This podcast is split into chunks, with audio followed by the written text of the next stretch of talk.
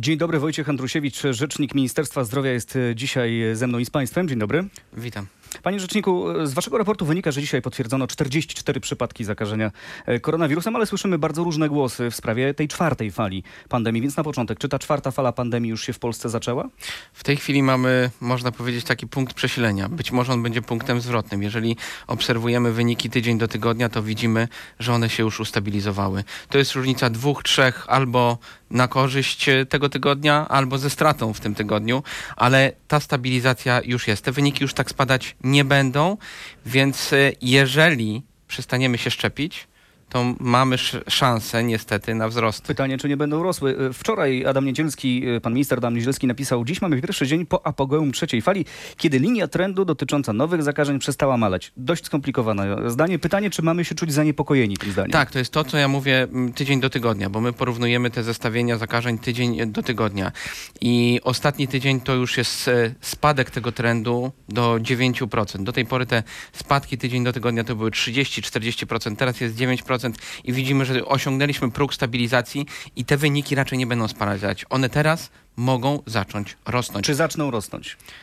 Jeżeli się nie zaszczepimy, to mogą zacząć. Jeżeli obserwujemy to, co się dzieje z wariantem Delta, w ciągu ostatnich dni przybyło nam ponad 30 przypadków e, wariantu Delta podczas sekwencjonowania wykrytego, więc mamy już w Polsce 153 przypadki odnotowane. Wojciech Andrusiewicz, rzecznik Ministerstwa Zdrowia jest moim Państwa gościem.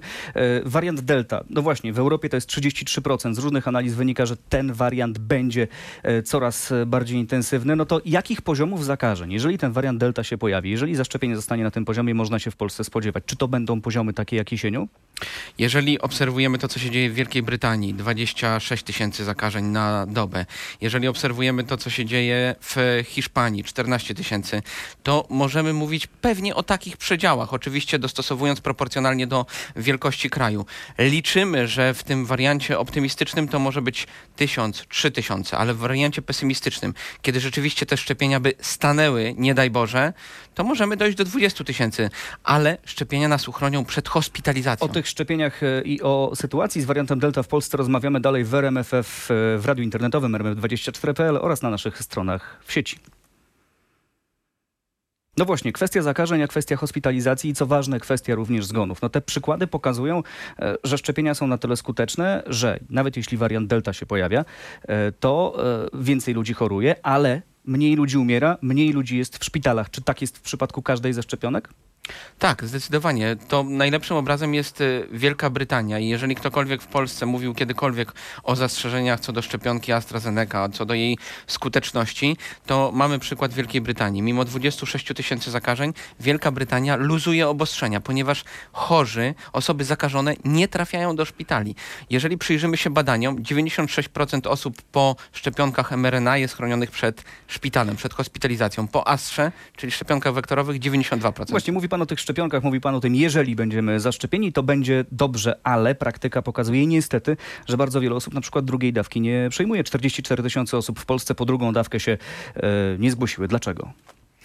ponieważ uznały, że epidemia się albo skończyła, albo uznały, że jadą na wakacje i nie będą się swoim szczepieniem przejmować. Widząc te codzienne wyniki na poziomie 80 mniej więcej na dobę zakażeń, ludzie przestali tak naprawdę mieć świadomość, że jest w Polsce epidemia. I to jest widać we wszystkich kurortach nad morzem, gdzie nikt już o jakichkolwiek restrykcjach nie pamięta. No to skoro ludzie przestali mieć świadomość, że jest epidemia, skoro widać to, że ludzie nie noszą na przykład nad morzem masek, grupują się w różnych restauracjach, no to chyba możemy spodziewać się tego bardziej pesymistycznego scenariusza w czwartej fali. Ja tutaj nie chcę być złym prorokiem, ale no jeśli nie będziemy się szczepić, to będzie źle. No, a wygląda na to, że nie szczepimy się wystarczająco szybko. Na pewno przy tym poziomie już zaszczepienia, który mamy, to jest poziomie mniej więcej 55%. Przy tym poziomie uodpornienia pozostałej części populacji, która przechorowała, bo my mówimy o naszych badaniach seroprewalencji i tam ten wynik odporności jest na poziomie 60%, to na to pewno tak... możemy być przekonani, że tych hospitalizacji będzie mniej. Te wyniki hospitalizacji nie będą tak podążały proporcjonalnie jak w trzeciej fali, ale A, na pewno będą. Ale według y, badań, no niektórych przynajmniej, ten próg odporności zbiorowej dla wariantu Delta to jest nawet 90%, 63%, o którym pan mówi, to jest nadal bardzo daleko daleko. Jak taki wysoki poziom osiągnąć? To jest wykonalne w polskich warunkach? Myślę, że po wakacjach część osób powróci do szczepień. My namawiamy, żeby jeszcze w wakacje powróciły i to szczególnie do tej e, drugiej dawki. Zastanawiamy się nad e, nowymi rozwiązaniami, które skłonią te osoby, które jeszcze się nie zaszczepiły, a które się wahają. A jakie to rozwiązania? Przede wszystkim to jest e, w tej chwili współpraca z podstawową opieką zdrowotną, z lekarzami rodzinnymi. Ci lekarze są najbliżej nas, najbliżej naszych rodzin i często są dla nas największym autorytetem w dziedzinie zdrowia. Tu rozmowy o tym, żeby lekarze rodzinni obdzwaniali swoich pacjentów we WUŚ-u, czyli systemie ewidencji, kto jest e, osobą ubezpieczoną, pojawił się już taki znacznik, kto jest osobą zaszczepioną, żeby lekarz mógł zalecić, mógł e, namawiać do szczepienia. Ale to jest nadal apelowanie, to jest nadal proszenie. To może czas przestać apelować i prosić. Może jest czas na bardziej zdecydowane kroki, jakieś ograniczenia, jakiś obowiązek szczepień albo ograniczenia dla tych, którzy zaszczepieni nie są. Może to jest ten moment, może trzeba wyprzedzić Na pewno to, co się tego, co, czego byśmy nie chcieli, to prowokować e, ludzi do różnego rodzaju wystąpień. Obawiamy się, że dość drastyczne kroki, które miałyby zmusić ludzi do szczepienia, skończą się tak naprawdę mm, odwrotną rzeczą niż e, zakładamy. Skończą się protestami, wychodzeniem e, ludzi na ulicach. Nadal jednak będziemy starali się namawiać i pokazywać zalety, a nie zmuszać. A to jak długo można jeszcze namawiać i pokazywać zalety, skoro to namawianie i pokazywanie zalet nie zawsze działa? Na przykład Wiśniewo i Zbuczym w powiecie siedleckim 18% mieszkańców przyjęło e, drugą dawkę szczepionki. Na nich te zachęty chyba nie działają. Ale widzimy, że w całej Europie doszliśmy do takiego poziomu. W jednych państwach to jest 60% wyszczepienia, w drugich 65%, czy tak jak u nas 55%, gdzie społeczeństwa przestały reagować na argumenty. Jest ta pula jeszcze w Polsce, mniej więcej 10-15% osób, która czeka. Zwleka i często, jeżeli dzwoni do nich NFZ, bo jest wykonanych już ponad pół miliona połączeń telefonicznych z NFZ-u, kilka tysięcy osób udało się skłonić i to są te osoby, które nie miały czasu, zwlekały i skłonił je do tego telefon i jakaś namowa. 10-15% osób plus 63 zaszczepione, to jest w optymistycznym wariancie 78% e, wyszczepionych w Polsce e, obywateli. To jest wystarczająco dużo? Wystarczająco dużo to by było mniej więcej 85-90%. Czyli 7%, na pewno. 7% brakuje. To jak to 7%, 7% dołożyć? brakuje, będziemy się zastanawiać, żeby te 7% jeszcze mimo wszystko pozyskać. To jeszcze zapytam od drugiej strony, no bo mówimy o tym, co może dzia- dziać się w Polsce. Te 7% będziecie próbowali uzyskać właśnie w ten sposób. Lekarze rodzinni, tak? Rozumiem. To, to jest Dokładnie. pierwszy krok. A jakie dalsze kroki? Dalsze kroki to przyjdzie jesień. Coraz częściej zaczniemy chodzić choćby z dziećmi do lekarza. Myślę, że tutaj zaangażowanie po, strony, po stronie również lekarzy pediatrów, ale no to też są przedstawiciele podstawowej opieki zdrowotnej. Ja rozmawiając z lekarzami pediatrami, oni mówią, że oni chyba są najlepszym źródłem dotarcia, bo ktoś, kto przychodzi z dzieckiem do lekarza, bezgranicznie ufa temu lekarzowi, bo w naszym, w na, przypadku naszego zdrowia osobiście możemy dyskutować z lekarzem. W przypadku zdrowia dziecka raczej nie dyskutujemy, raczej temu lekarzowi, do którego, którego wybraliśmy, wierzymy. I myślę, że tutaj rola pediatrów e, też jest dosyć duża. A dosta- mówi pan o tym, że wierzymy lekarzowi. Dostajecie sygnały o lekarzach na przykład, którzy być może niekoniecznie chcą zachęcać do szczepień, być może w drugą stronę trochę prowadzą tę rozmowę z pacjentem.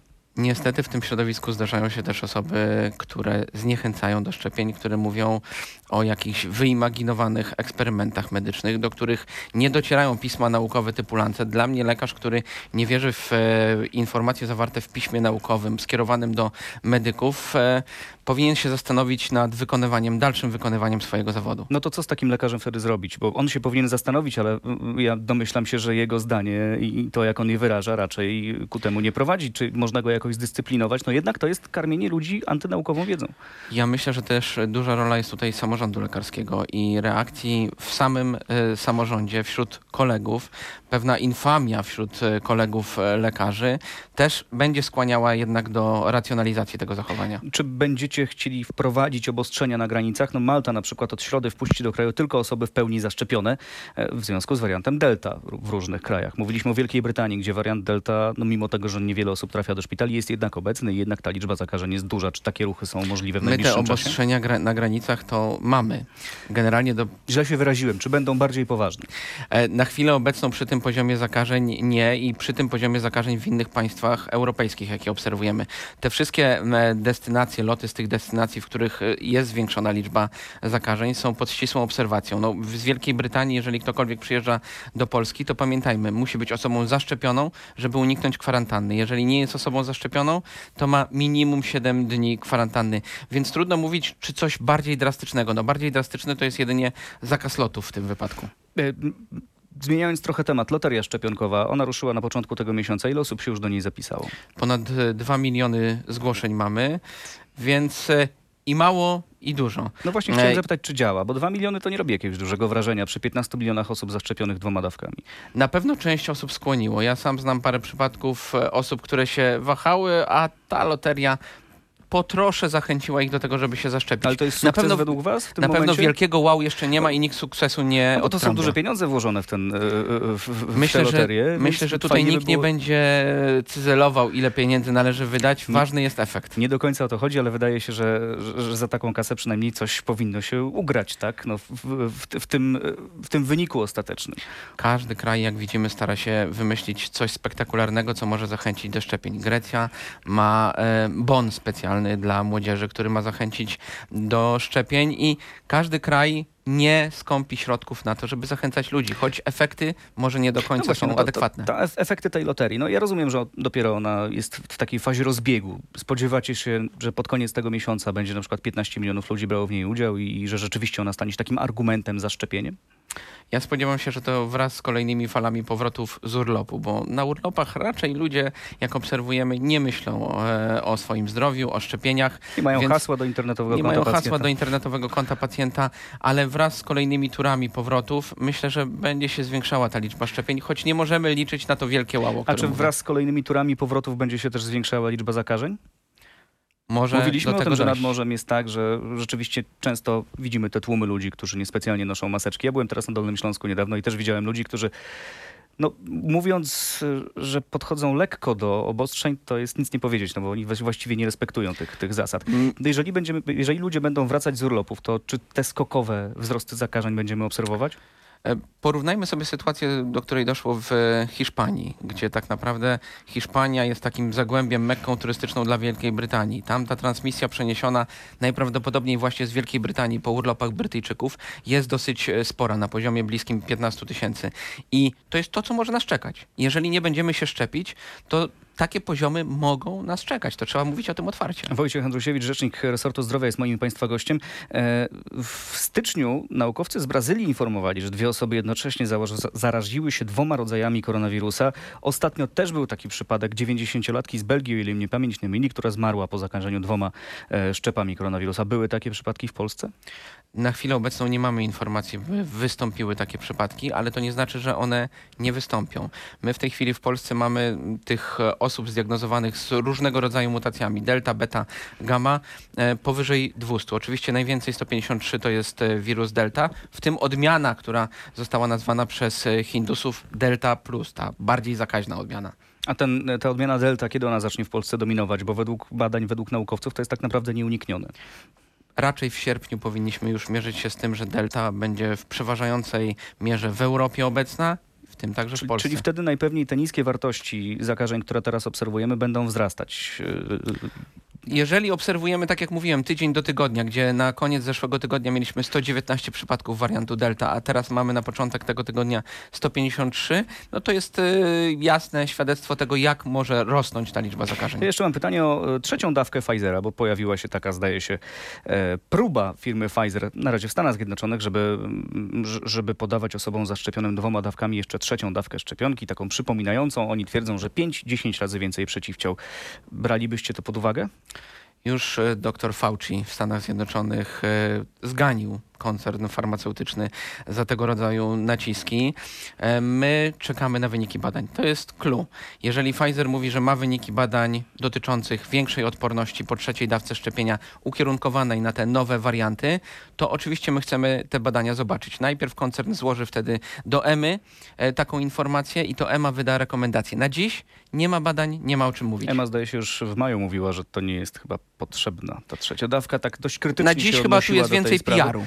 No cóż, no ten PR też e, w firmie farmaceutycznej pewnie, nie wiem czy przystoi, ale na pewno to się dzieje. E, Kończąc temat koronawirusa, przechodząc jeszcze na chwilę e, do innego tematu, co zrobicie, żeby zatrzymać ratowników medycznych w zawodzie, bo podobno ratownicy medyczni masowo z zawodu odchodzą? Była rozmowa przed dwoma tygodniami z I ratownikami Komisja medycznymi. Zdrowia w ubiegłą środę. I Komisja Zdrowia w ubiegłą środę. E, Na pewno ratownicy, tak jak każdy, każda grupa zawodowa jest dla nas wyzwaniem, ponieważ pamiętajmy, że epidemia pokazała jasno.